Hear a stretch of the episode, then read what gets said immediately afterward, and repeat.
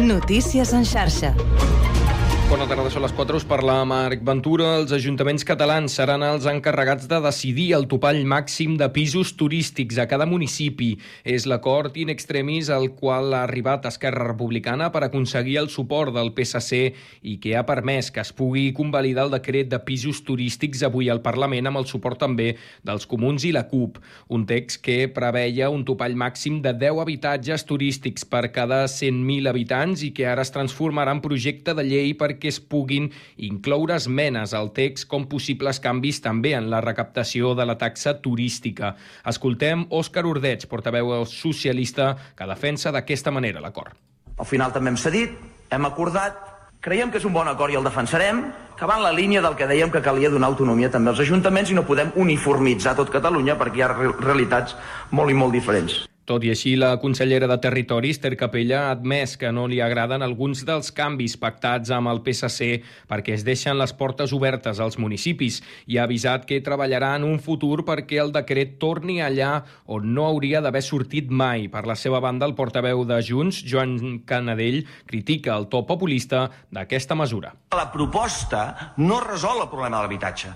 La prova és que la memòria del decret no conté cap, absolutament cap dada que demostri l'efecte positiu d'aquest decret sobre l'habitatge. La manca d'habitatge no soluciona atacant, criminalitzant a un tipus de turisme que representa només el 2,5% del parc d'habitatge. El decret aprovat al Parlament es tramitarà com a projecte de llei per canviar-ne el contingut abans del març. La Federació Catalana d'Apartaments Turístics ha celebrat que s'elimini el topall per població, però diu que portarà el decret al Tribunal Constitucional, ja que és una norma dolenta per al sector i l'economia. I justament avui hem sabut que tres barris de l'Eixample de Barcelona, l'antiga, la dreta i la nova, concentren l'increment més destacat de pisos turístics en els darrers sis mesos, segons dades d'una estadística experimental de l'Institut Nacional d'Estadística. A l'altra banda de la balança, tots els barris de la Ciutat Vella n'han perdut, especialment el Raval, el Gòtic i la Barceloneta. Un altre punt on augmenten els pisos turístics és a la façana marítima, tot i que de manera més moderada on lidera la crescuda al barri del Poble Nou. I més notícies en l'àmbit esportiu a l'Eurocup femenina. Aquest dimecres es juga la tornada dels setzents de final a un quart de vuit de la tarda. Juga l'Espar Girona amb l'avantatge de 12 punts, 77 a 89. I mentrestant el Cadí la Seur també rebrà el Brain a tres quarts de nou. Fins aquí les notícies en xarxa. Notícies en xarxa.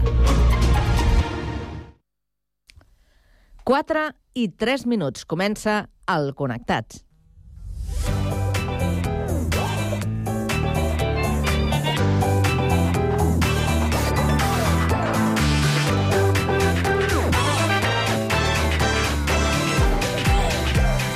Connectats amb Carme Reversa.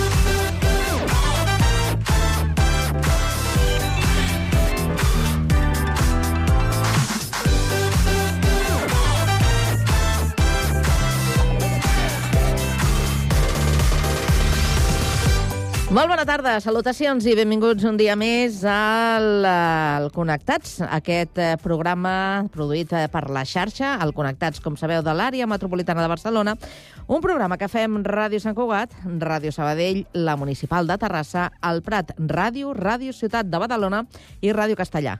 Una salutació de tot l'equip conduït a la part tècnica per Pablo Palenzuela i de qui us parla, Carme Reverte. Avui és dimecres 20 de desembre i volem saber quin temps ens espera aquesta tarda. Lluís Mi Pérez. Hi ha un temps encara amb alguns núvols a gran part de Catalunya. De fet, ha anat travessant un front que ha vingut des de Ponent.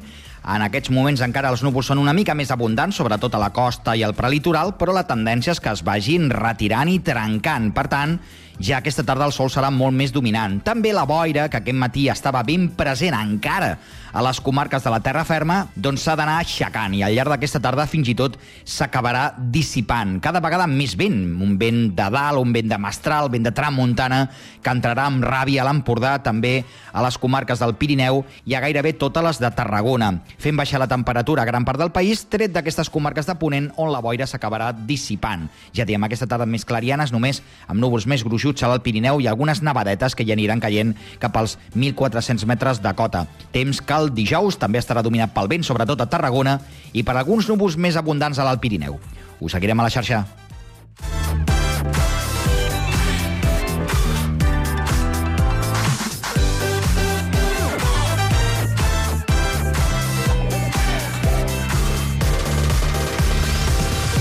Bé, doncs avui al Connectats parlarem de loteria i del fet de compartir números. Eh, Què cal tenir en compte si ens toca un premi gros, un premi prou important i no volem tenir problemes? Doncs li preguntarem a Esther eh, Lorente, que és delegada de l'OCU a Catalunya. Acabarem la primera hora amb la tertúlia generalista per debatre sobre la visita d'eurodiputats per la immersió i de l'efecte de la loteria de Nadal. A partir de les 5 coneixerem la Fundació Salut Alta de Badalona, de la mà de la responsable de comunicació, Míriam Ibáñez. Continuarem amb gastronomia mm, per eh, parlar des de castellà d'una food truck vegana, Garbanzo Negro, i acabarem amb l'últim episodi del Coses d'Antes d'aquest any. Tot això i més des d'ara i fins a les 6 de la tarda a la vostra emissora local. Connectats? Comencem! Kiss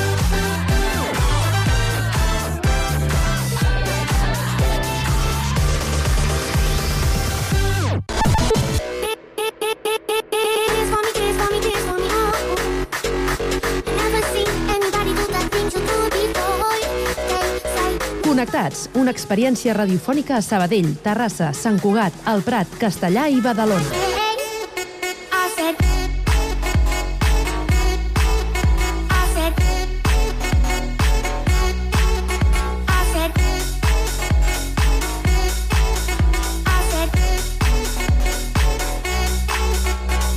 Connectats amb Carme Reverte.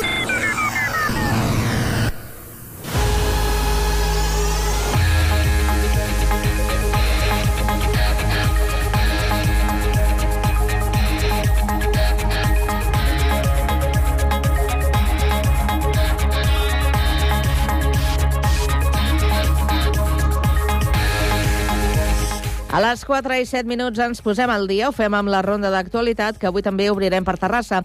Sergi Estapé, bona tarda. Bona tarda, bona resposta dels ciutadans de Terrassa en la quarta edició de la cursa solidària Un quilòmetre, una vida, en la qual el 100% dels beneficis de les inscripcions anaven destinades a la Fundació Vicente Ferrer.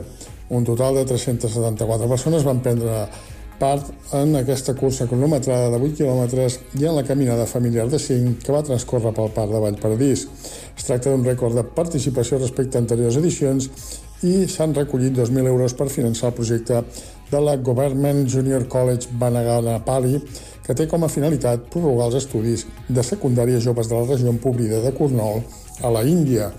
La cantant i actriu basca Itziar Ruituño, de la Casa de Papel, va ser la padrina de la cursa. Bartolomé Serrano, Martí Cuberes i Carles Becerra van passar junts per la línia d'arribada amb un temps de 32 minuts i 30 segons.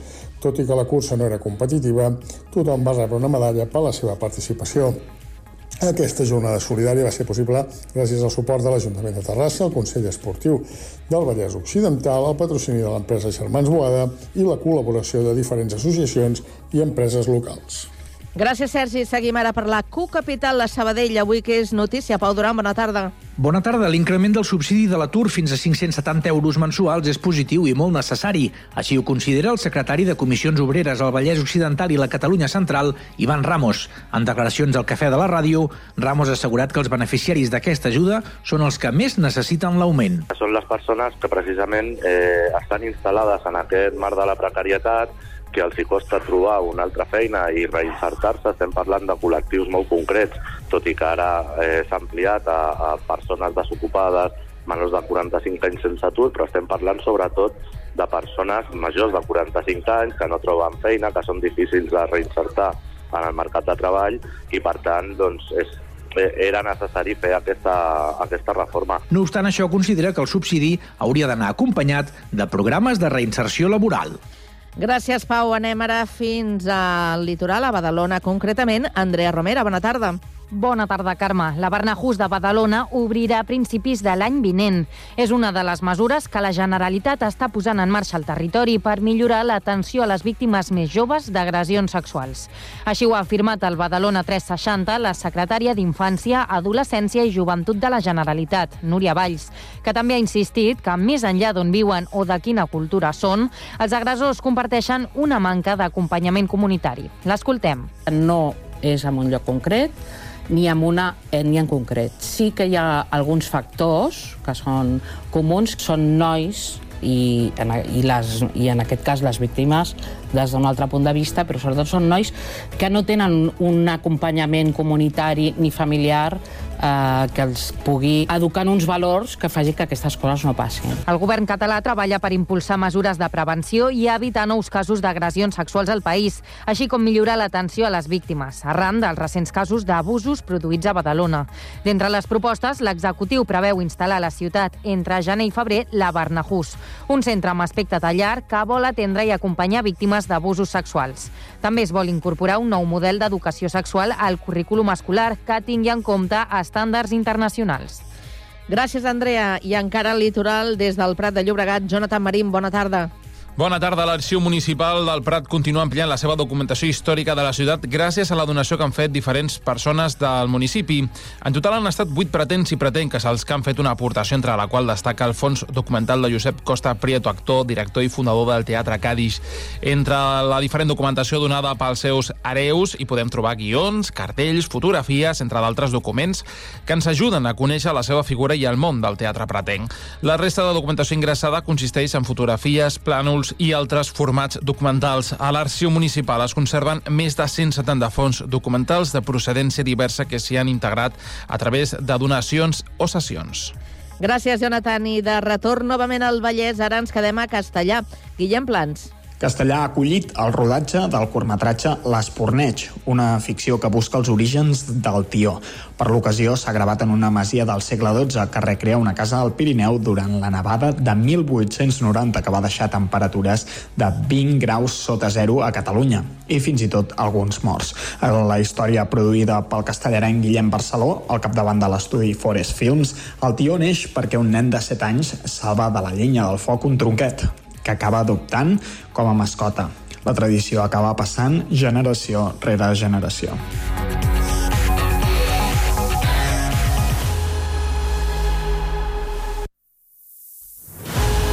Abans d'acabar la ronda d'actualitat, eh, temps per explicar-vos eh, que a Sant Cugat l'esperit eh, nadalenc s'ha escampat pels carrers a través de la música i ho ha fet aquest dimarts gràcies a les Nadales al carrer, que enguany han arribat a la seva 17a edició. Infants cantaires de diverses escoles de música de Sant Cugat i corals juvenils i adultes han participat en aquesta tradició impulsada per l'Escola Fusió i Sant Cugat Comerç. La plaça de Barcelona ha rebut totes les corals que, a través de diversos recorreguts pel centre de la ciutat, han fet parada a empreses i comerços per cantar Nadales. Escoltem l'alcalde Josep Maria Vallès. Jo volia agrair doncs, a la Gemma Navarra, a l'Escola Fusió de Música, a Sant Cugat Comerç, que un any més mantinguin aquesta tradició d'aquesta cantada per arreu dels carrers del centre, davant dels comerços de la ciutat, per cantar Nadales per tots vosaltres. La directora de l'Escola Fusió i coordinadora de la iniciativa, Gemma Navarra, ha posat en valor la col·laboració amb Sant Cugat Comerç per impulsar les Nadales al carrer des de fa 20 anys. Una activitat que uneix cultura, tradició i ajuda al comerç de la ciutat, ha destacat Navarra. Enguany, 10 corals han participat en la proposta. Com a novetat, aquesta ha estat la primera edició en què ha participat una coral d'adults, el grup Backline, que ha ofert una cantata a eh, Cugat Media.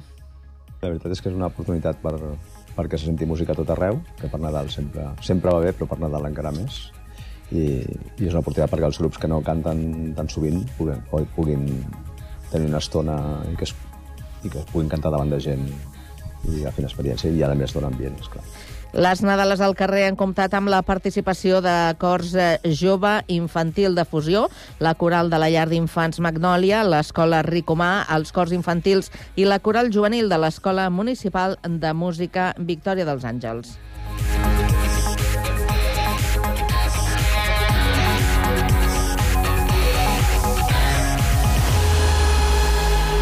A la tarda, no et desconnectis. A la teva ràdio local Connectats. Can't touch this. You can't touch this.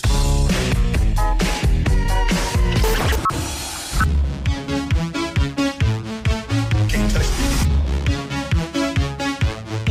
Can't touch this. Connectats amb Carme Reverte.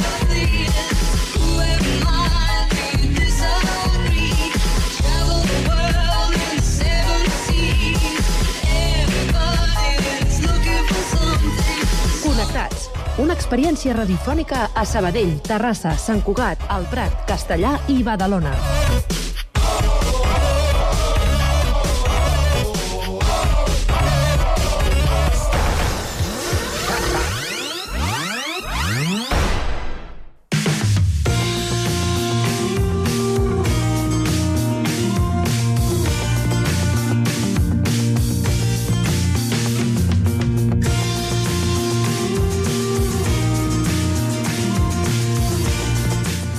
S'acosta el Nadal i regalar bitllets de loteria és habitual en aquesta època de l'any.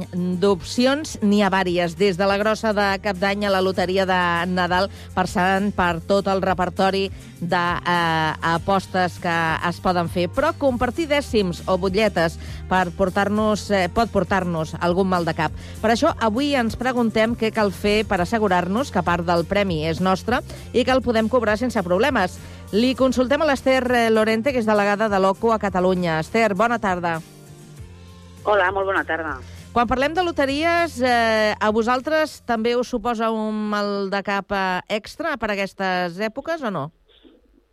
Sí, malauradament sí, perquè bueno, molta gent fa això de compartir el dècim i no ho fan de manera una mica, bueno, en condicions. Llavors després venen, el, si toca, eh, després venen els problemes.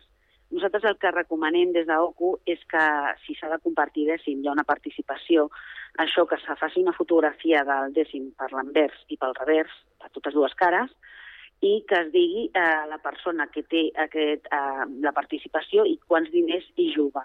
Això es pot fer amb un document, que abans es feien aquestes participacions, Ara, avui dia ja han deixat una banda al paper, però sí que almenys ho podem enviar, encara que sigui per WhatsApp, per tenir una mica de prova, perquè si toca després venen els problemes. I jo quan jugava, o tu em vas dir, etc. Llavors, el millor és documentar-ho.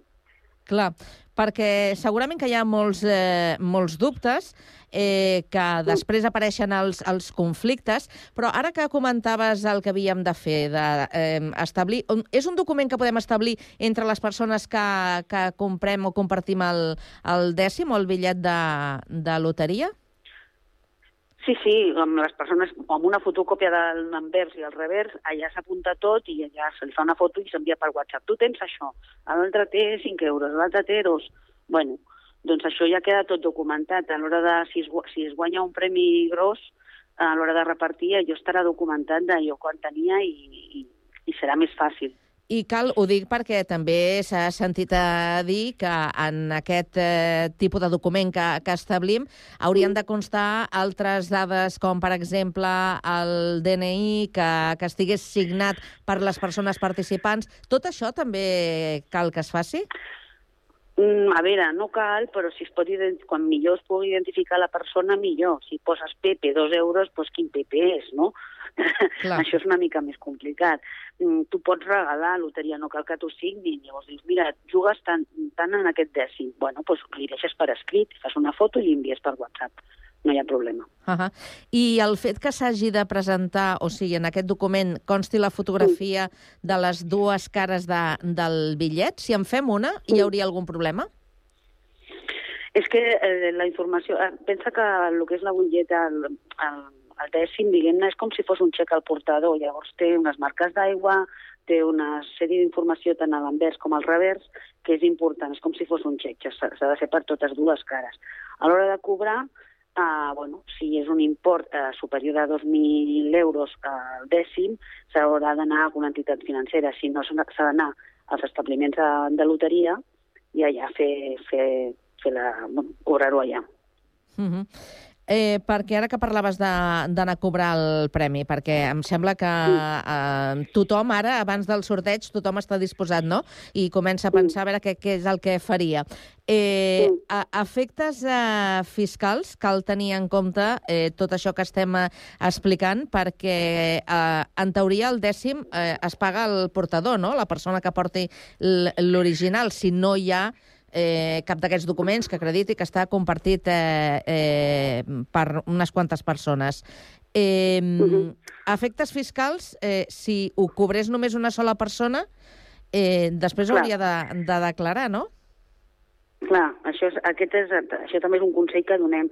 Si toquen un dels tres primers premis i que són més de 40.000 euros eh, el premi, eh, llavors tributa amb un impost de, de, de jocs i apostes, llavors quan, tu, quan et donen els diners que has guanyat ja t'han deduït aquest impost.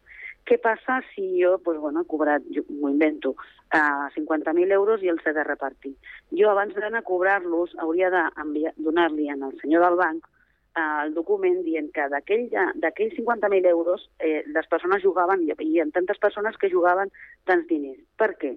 Perquè jo cobraré els diners del premi i quan li faci la transferència al meu company de feina perquè tenia una participació, es pot entendre que és una donació. Llavors, per evitar això, quan anem a cobrar, hem de dir vaig a cobrar aquest premi que es reparteix entre tantes persones. Uh Una altra opció passaria, també s'han donat eh, casos, d'obrir un compte comú entre les persones que comparteixin aquell eh, número, perquè a efectes fiscals doncs, ja constarien tots els que queden repercutits, no?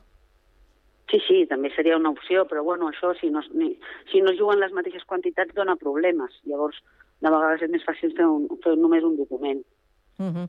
Abans et En refer... qualsevol Digues. cas, si, si, si, toquessin, si toquessin el, els premis gruixuts, jo el que bueno, recomanem és uh, guardar el, el bitllet, no anar, no anar ensenyant-lo, això primer de tot, i després assessorar-se bé, mirar la web de loteries i apuestes, assessorar-se bé de quines són les coses a, a fer per evitar ensurtos. Sí, sí. Uh -huh.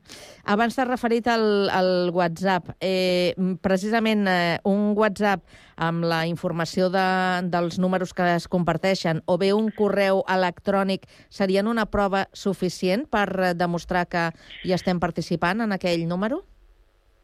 Bueno, a veure, això és interpretable, no? Però sí, sempre serà un principi de prova. Si la conversa anava, si en la conversa de WhatsApp ja es veu això i després hi ha aquesta foto, doncs, bueno, eh, està bastant clar. Per això una mica de documentar-ho, perquè molta gent ho diu de paraula i les paraules ja sabem que se les emporta el vent. Clar, i sobretot de paraula passa quan eh, estem en un cercle de confiança. És a dir, situacions eh, d'aquestes es poden donar eh, amb, amb, amb familiars, amb amics eh, íntims o, o molt propers, que no per precisament aquesta situació de confiança ens hauríem d'estalviar de fer tot aquest protocol que ara comentàvem, no? Sí, sí, sí, no, això s'ha de fer igualment perquè els diners no tenen amics i després no se sap ex- exactament el que, el que jugaves, doncs fer-ho i ja està. Com abans ens feien les participacions, doncs ara també fer-ho amb, un- amb, una fotocòpia de, de, de, de butlleta i, i posant això en, en un WhatsApp mateix. Mm. Uh -huh. També ens pot passar doncs, que, malauradament, el, ens robin eh, abans de, del sorteig o que perdem aquest número que, que Mm. portàvem. Què hem de fer? Bé, també recomanem que, que quan comprem un dècim, si tenim el dècim físicament, eh, el guardem a casa i no el portem a sobre per si ens perd la cartera o ens roben. Si ens roben hem de denunciar-ho. Si tenim una fotografia de, del dècim i ho tenim identificat, serà més fàcil de denunciar la pèrdua o sostracció per si toca. Uh, però bueno, també serà complicat i, i si, uh, si, el perdrem hem, hem de- d'avisar a, la, a la xarxa de, de loteries i apostes del Estado. A, a qualsevol cercador poseu loteries i apostes del Estado i allà et diuen les passes que has de, que has de fer. Mm. Perquè anar a posar una denúncia serviria de- d'alguna cosa o com? Bueno, això, això és jutges, jo això no, no, no m'hi fico, però bueno, després si tu dius que, que això t'ho han robat uh, i és aquest dècim amb aquest número de sèrie, etc i després això toca i algú ho va comprar, doncs podries discutir eh, si, era, si era seu o no. Eh, es podria començar a discutir. Clar. També es podria discutir, encara que tinguéssim totes les fotografies o totes les imatges en WhatsApp, com hem comentat a, Mm. abans, no? Sí, sí, sí. Sempre és, sempre és tenir una mica de, de prova. Si tu has posat una denúncia perquè t'han robat el dècim, l'identifiques el dia, m'ho invento, avui, que és dia 20, uh, bueno, pues, eh, a veure si després toca uh, la persona que el té el 21 i el 22 i el 23, doncs eh, potser no era la legitimària no, d'a- d'aquest dècim, però com que són el portador, doncs aquest és el problema. Mm -hmm. Us heu trobat, eh, Esther, en, amb algun cas eh, curiós al voltant de, del tema de la loteria que us hagin vingut a, a, a denunciar a l'OCU?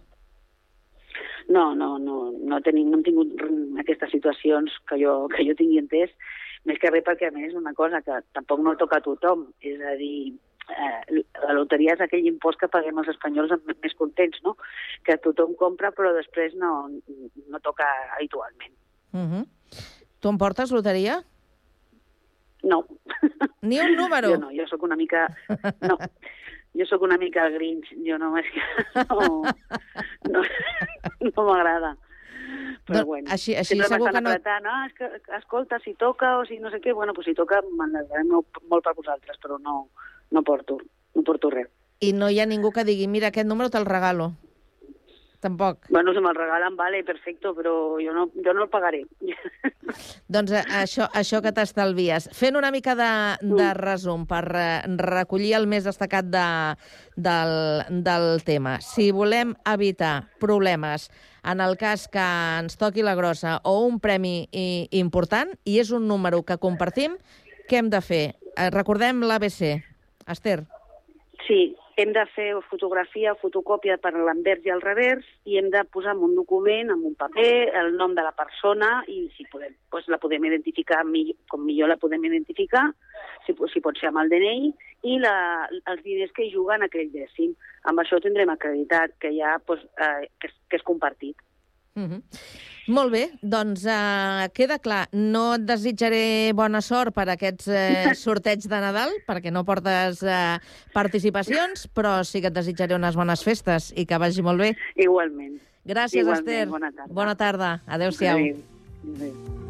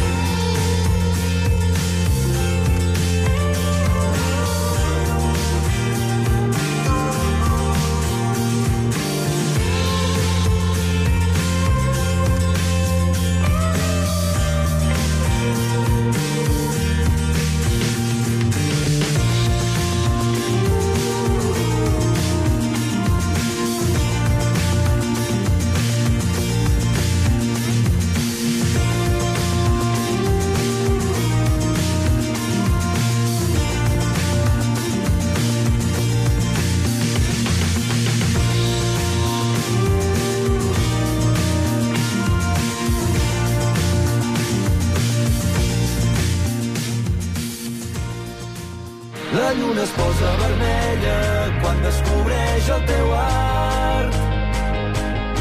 I ens hi posem tan fort que portaríem la vida a Mart. Quan els dos som un, descobrim un món profund i donem llum a mil ciutats. Vam néixer per ser connectats.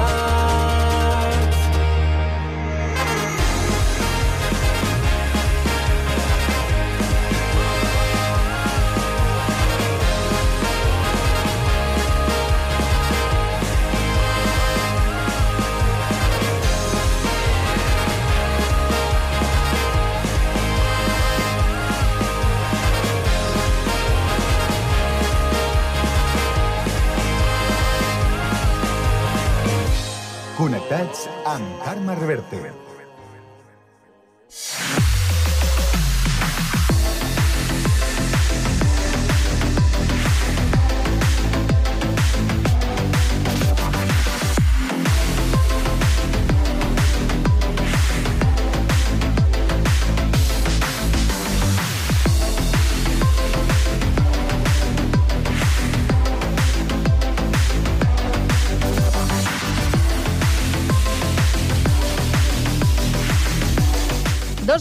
Quarts de cinc de la tarda i arribem puntuals a la nostra cita amb l'opinió, la tertúlia Tres Bandes. Avui la compartim amb Jordi Gili, que és president honorífic d'Amics del Prat i Amics de la Sardana. Jordi, bona tarda.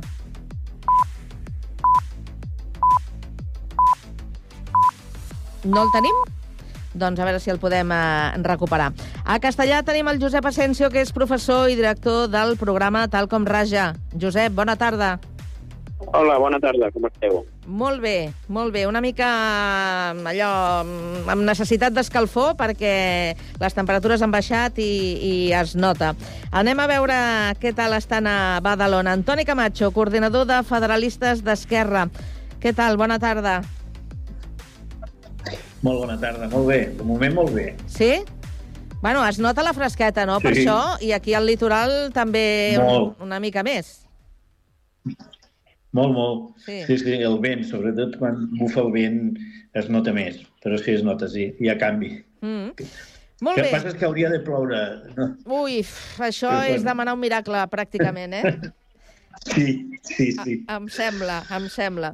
Eh, a veure si podem eh, recuperar el, el company del Prat, el Jordi Gili, però mentrestant anem avançant i a propòsit del model eh, educatiu eh, que, que tenim a, a Catalunya i a propòsit d'aquesta missió, aquesta delegació de- d'eurodiputats eh, que han vingut a, a, a veure com funciona això de la immersió, doncs eh, encara no han fet conclusions, però sí que han deixat eh, allò unes quantes impressions. Impressions que parlen de la immersió com un model que, que deixa desemparades les famílies i eh, una altra impressió és que el català no, no perella. Dic que són impressions perquè de moment com a conclusions no, no consten encara. Eh, jo us pregunto, eh, estem una vegada més davant de la politització de, de la llengua? És un clar evident de-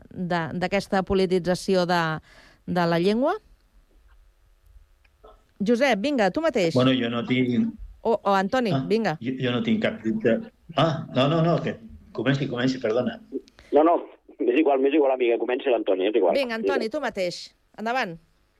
No, jo crec que és, òbviament és una manipulació i una utilització política del tema de la llengua grollera per part del Partit Popular i l'extrema dreta, tot i que cada dia s'assemblen més l'extrema dreta i el Partit Popular, i és una campanya permanent doncs, de, bueno, per tocar un tema tan sensible com és la llengua, no? que és un mitjà de comunicació, no hauria de ser altra cosa i que s'hauria d'aprendre exactament igual el castellà que el català a les escoles, però no té altre sentit en aquesta disbauxa en el que està instal·lada la dreta espanyola de, de manipulació i de portar a tot arreu, eh, en aquest cas, la, la, la llengua.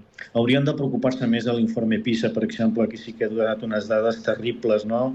envers l'educació a Espanya i a Catalunya en concret, no? Però, bueno, eh, eh, jo crec que això ho superarem no? i que no anirà eh, enlloc aquesta visita d'aquests eh, eurodiputats ultras. Ah. Què t'ha semblat a tu, Josep? Bé, a veure, jo estic completament d'acord. Jo crec que és una, una politització de, del tema. Eh, jo sí que afegiria una cosa. Eh, qualsevol llei, i més aquesta que té 40 anys, és susceptible de ser revisada. Això sí, això sí. Eh, com una Constitució, com, com una, unes normes, qualsevol norma ha de ser eh, no, no podem, no, no, la societat que tenim ara no és la mateixa de fa 40 anys, no?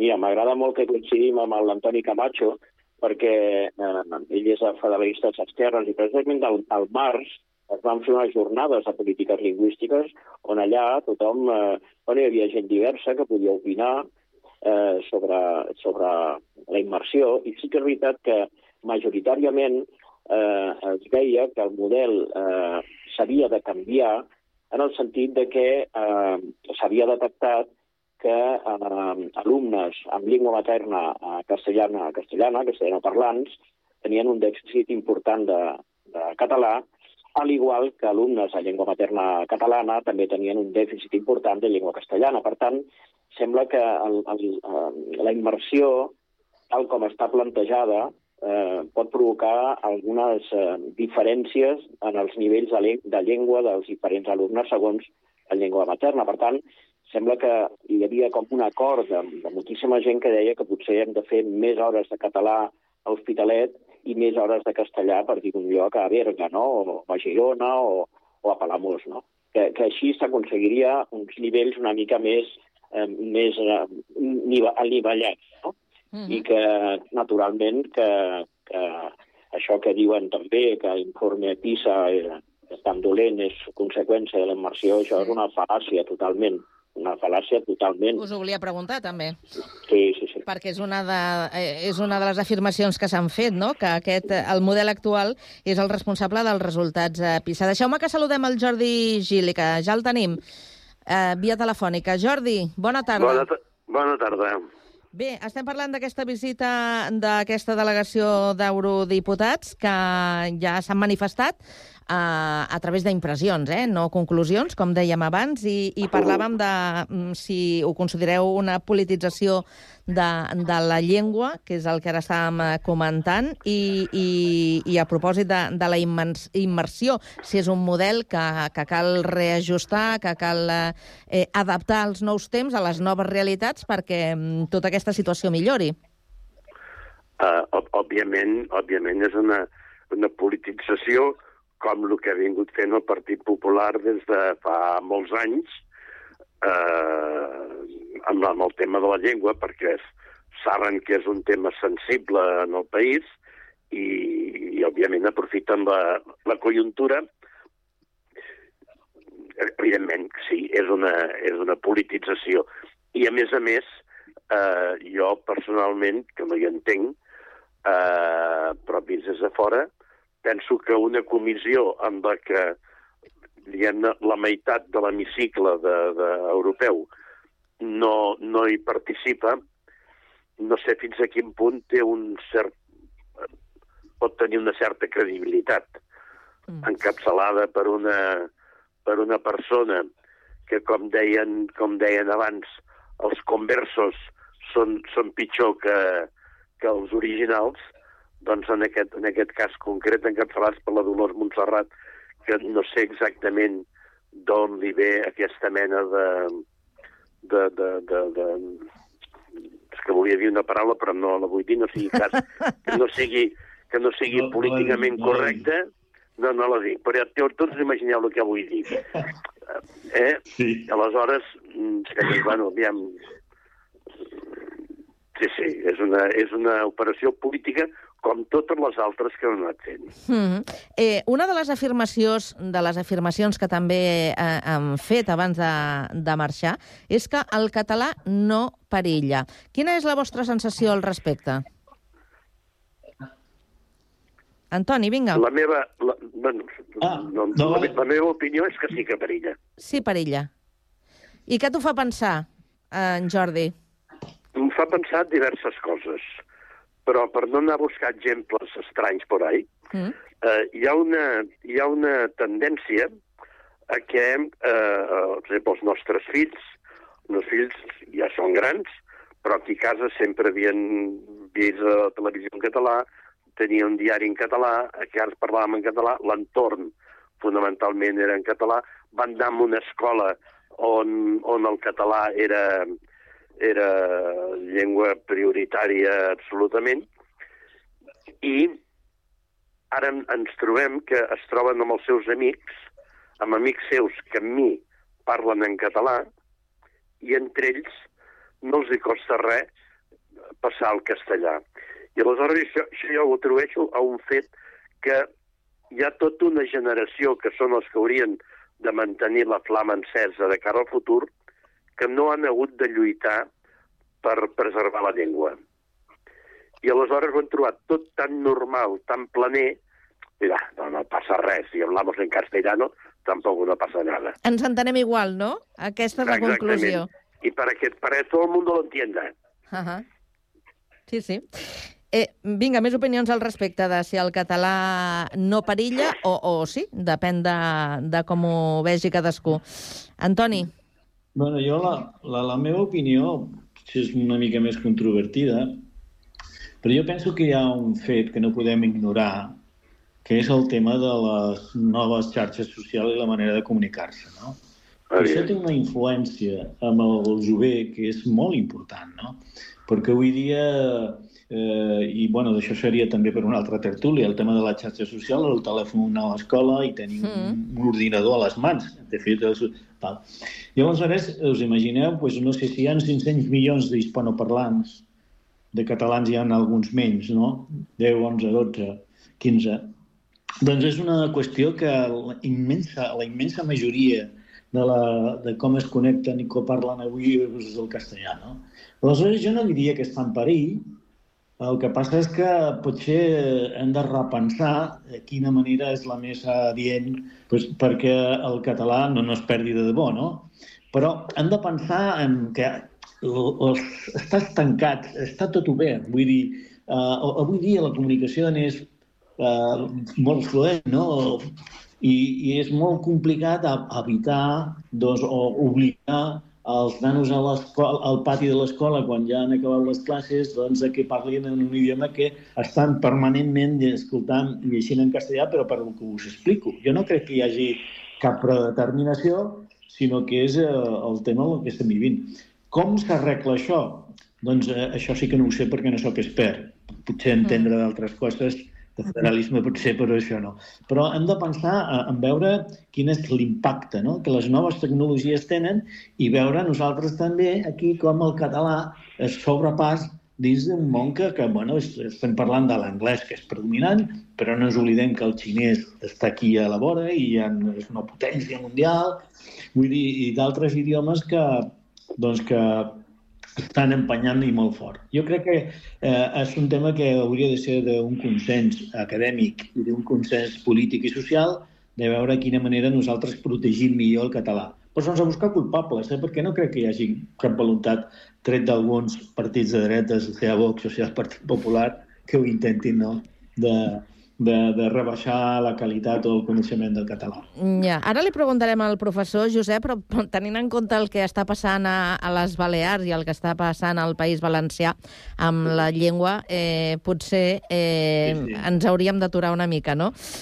Josep, Sí, home, precisament estava pensant en aquest cas. No? Tota aquesta gent que lluita pel bilingüisme, eh, en el fons el que volen és carregar-se la llengua autòctona, no sé com dir-ho, vale? el català, el, el balear, eh, o sigui, eh, eh, aixequen la bandera del bilingüisme i tot és mentida. Eh, perdoneu que torni a repetir el, el tema d'aquesta jornada de polítiques lingüístiques que hi va haver al març, tan important, Mm. on la presidenta de l'Associació eh, per una escola bilingüe doncs va, va, va començar a dir que, que, que, que, que els patis els obligaven, que, bueno, que si no podien anar al lavabo, que si no ho demanaven en català, bueno, clar, li vaig haver de dir que jo havia estat professor, mestre de primària, justament vaig començar a treballar amb 19 anys amb, amb la immersió lingüística Mm. i t'ho juro que cap alumne mai s'ha quedat sense anar al lavabo per no demanar-ho català. Tot això és una fal·làcia. No? Li vaig dir amb ella directament, li vaig dir, ens esteu mentint, vosaltres no voleu una escola bilingüe, el que voleu és acabar amb el català, és molt diferent, no? I, bueno, no em va respondre, perquè realment el que, el que busca aquesta gent, no sé per què, no sé quin mal li han fet, eh, la Dolors Montserrat, que, que eh, és eh, llengua materna catalana, no sé què, què li ha fet el català. per anar. i paterna. i paterna, diu. Mira, no, encara, encara, encara m'ho poses més fàcil. Ara, també, també, també haig de dir una cosa. Jo crec que eh, hem de treure la llengua catalana del conflicte polític. Perquè jo, jo precisament estava fent eh, profe de català en les, èpoques, en les èpoques del procés i t'ho juro que amb tot allò que va passar, alumnes se'n negaven a parlar català a la classe perquè estàvem en Espanya. I això és molt dolent per la llengua, perquè si identifiquem una llengua amb una, amb una ideologia política molt legítima, eh, per què no, legítima, eh, llavors aquí ens tirem pedres damunt de la nostra teulada, perquè el que ens interessa a tots, a mi també, és que el català parli cada vegada més gent. Però si acotem, acotem el català només amb un sector polític determinat, no ajudem a que les noves generacions que no la tenen com a llengua, com a llengua eh, materna facin el pas. Jo sóc fill de, de, de pares de Múrcia, vale? i jo vaig néixer aquí a Catalunya, i la Mm. meva llengua materna no és el català, però sóc profe de català, he lluitat pel català, per la immersió en les campanyes, etc. I el que trobo és que el procés el que ha fet és mm, crear una fractura que, que no ajuda a aquest, a aquest consens que, que no sé qui demanava, no? un consens sobre la llengua. No? Eh, la pregunta que em deies, eh, està en perill, està en perill. Mira, eh, està en perill, estava en perill el, el llatí, s'ho van preguntar quan estaven... La, la, no sé, la societat camina cap a un lloc. Mira, als Estats Units estan preocupats perquè perilla l'anglès, perquè l'espanyol està donant una, unes passes importantíssimes. Jo crec que, no sé, si hi ha gent que parla que amb 50 anys ningú parlarà català, no sé, això és impossible, però el que no podem fer és eh, tancar-nos amb el nostre, no sé, mirar-nos al nostre malic i, i no obrir aquest català tan maco a, a generacions que no, que no el tenen com a, com a llengua materna. Clar, però com es despolititza tot Com es això? Aqu aquestes alçades de la pel·lícula, tal i com està eh, la situació, com, com, com es treu el, el, la llengua de, de, de la política? arribant a acords.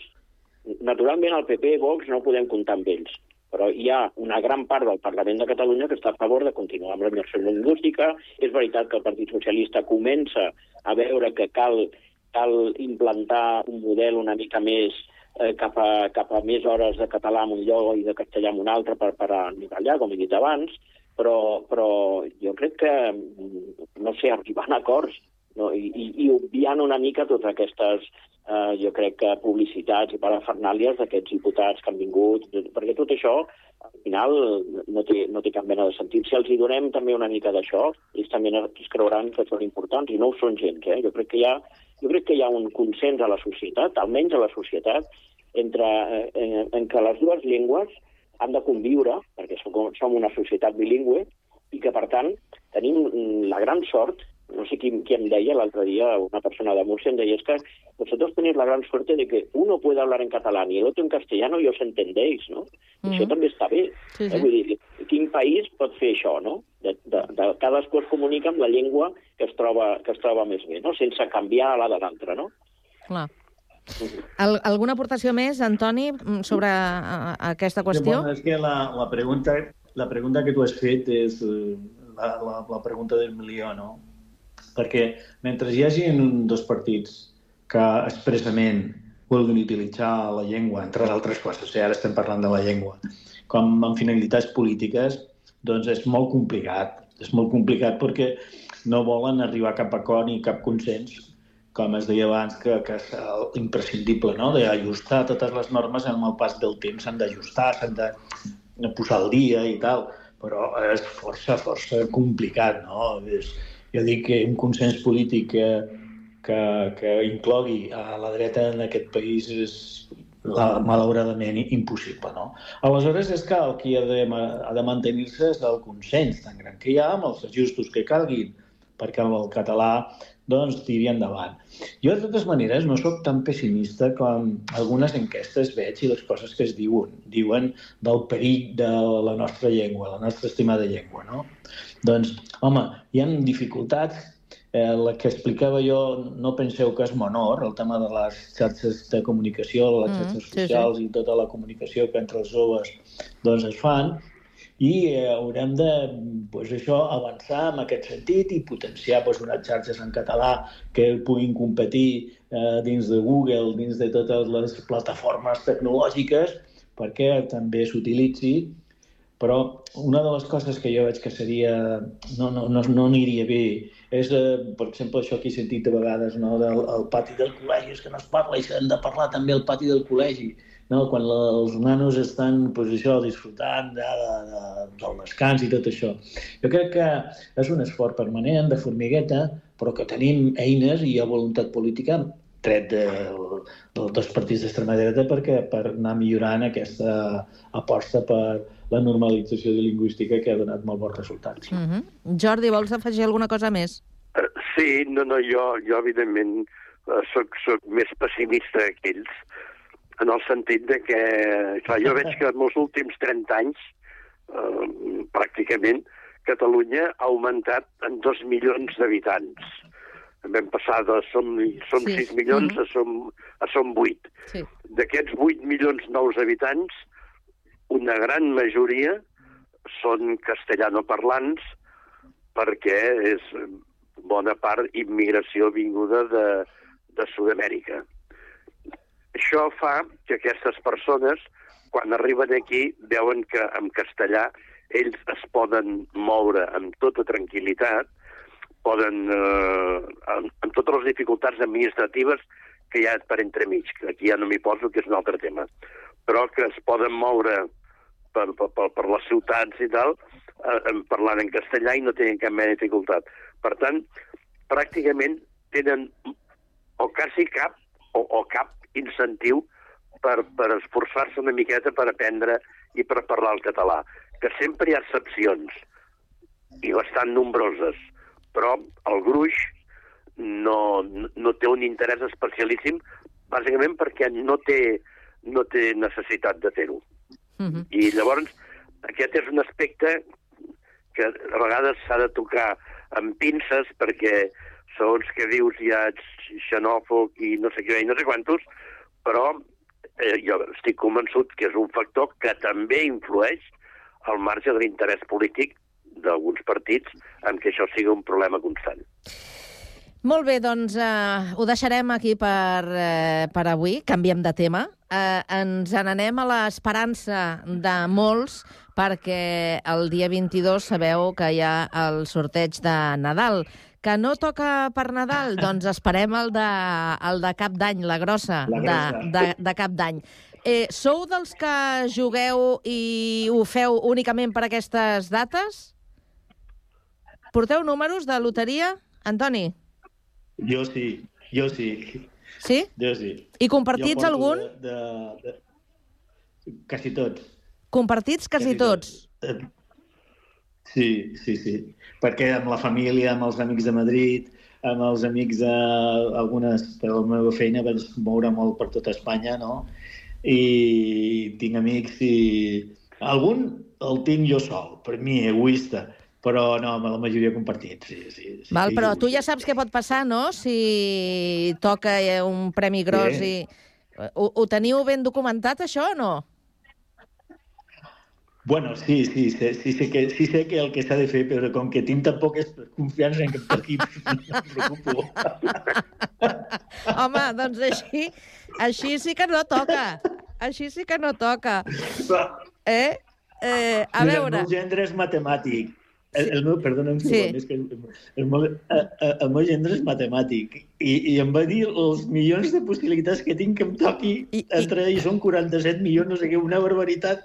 I dic, mi, millor que no m'haguessis explicat res. Doncs mira que és curiós, eh? perquè això ho sabem, ho sabem del cert, que és eh, com, com més difícil que, que toqui, i en canvi és el, a l'època de l'any on gastem més. Eh, Josep, Josep, tu Sí. també portes loteria? Sí, sí, clar que porto loteria. Això és una tradició, esclar. Sí, sí.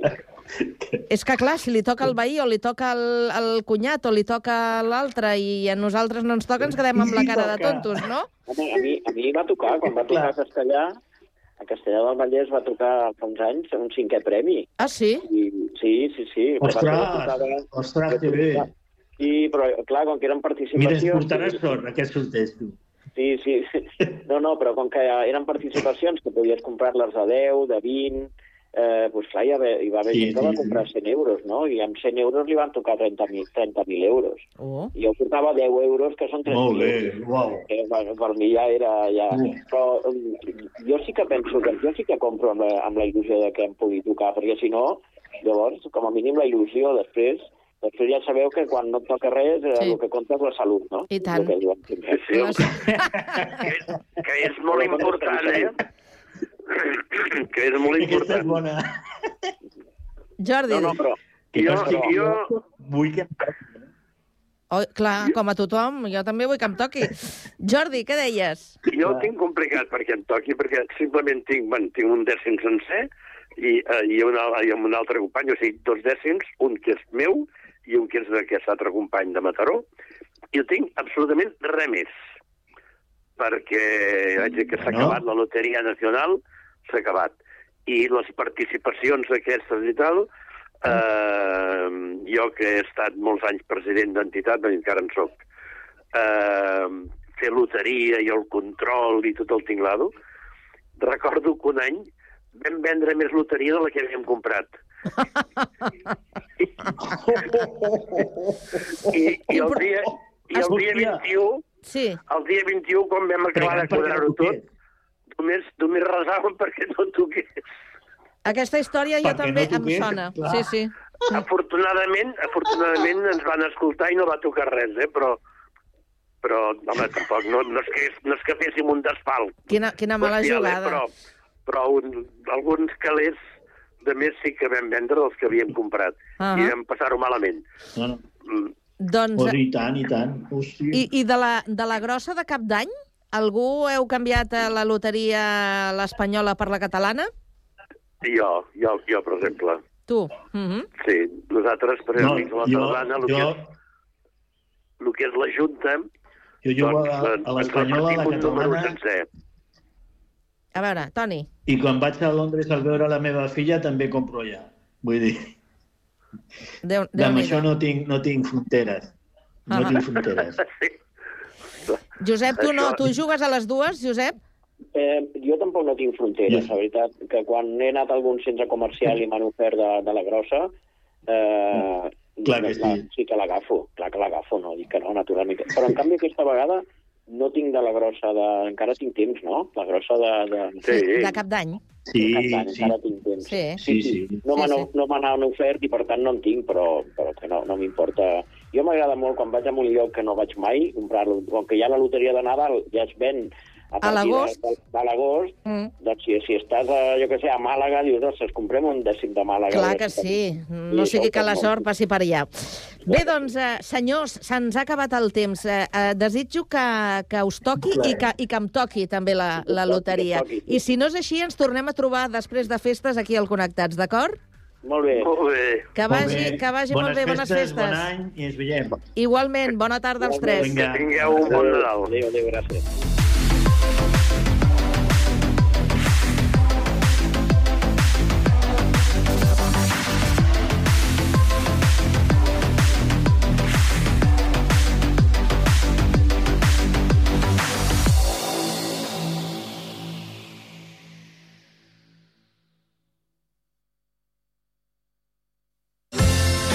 Ja tens Sant Cugat a la butxaca?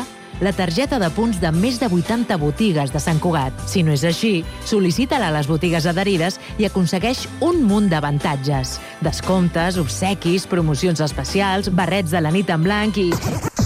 No ens podem allargar tant. Consulta www.santcugatalabutxaca.cat. Ara també utilitza la teva targeta al Mercat de Torreblanca. No és el mateix ser els integrants del millor grup de la història que ser el millor grup de la història. Per això, el grup català Occident serem Occident, perquè per continuar assegurant-ho tot, tot i tot, ens havíem d'ajuntar tots, tots i tots. Entra a seremoccident.cat. Alexa, abre Radio San Cugat. Bienvenido a Radio San Cugat Cugat Media. ¿Qué quieres escuchar? ¿Radio en directo o el último boletín? Cugat Media estrena skill per poder escoltar Ràdio Sant Cugat des d'Alexa. Per exemple, l'actualitat de Sant Cugat. Alexa, pide a Ràdio Sant Cugat el último boletín. Escuchando el último boletín de Radio San Cugat. Cugat.cat Notícies. I també la ràdio en directe. Alexa, pide a Ràdio Sant Cugat la ràdio en directo. Escuchando en directo Radio San Cugat. L'artista local defineix la situació com a dura perquè... Ràdio Sant Cugat Cugat Mèdia, 91.5 FM, www.cugat.cat i ara també a través d'Alexa. La ràdio que necessites, ara més a prop teu.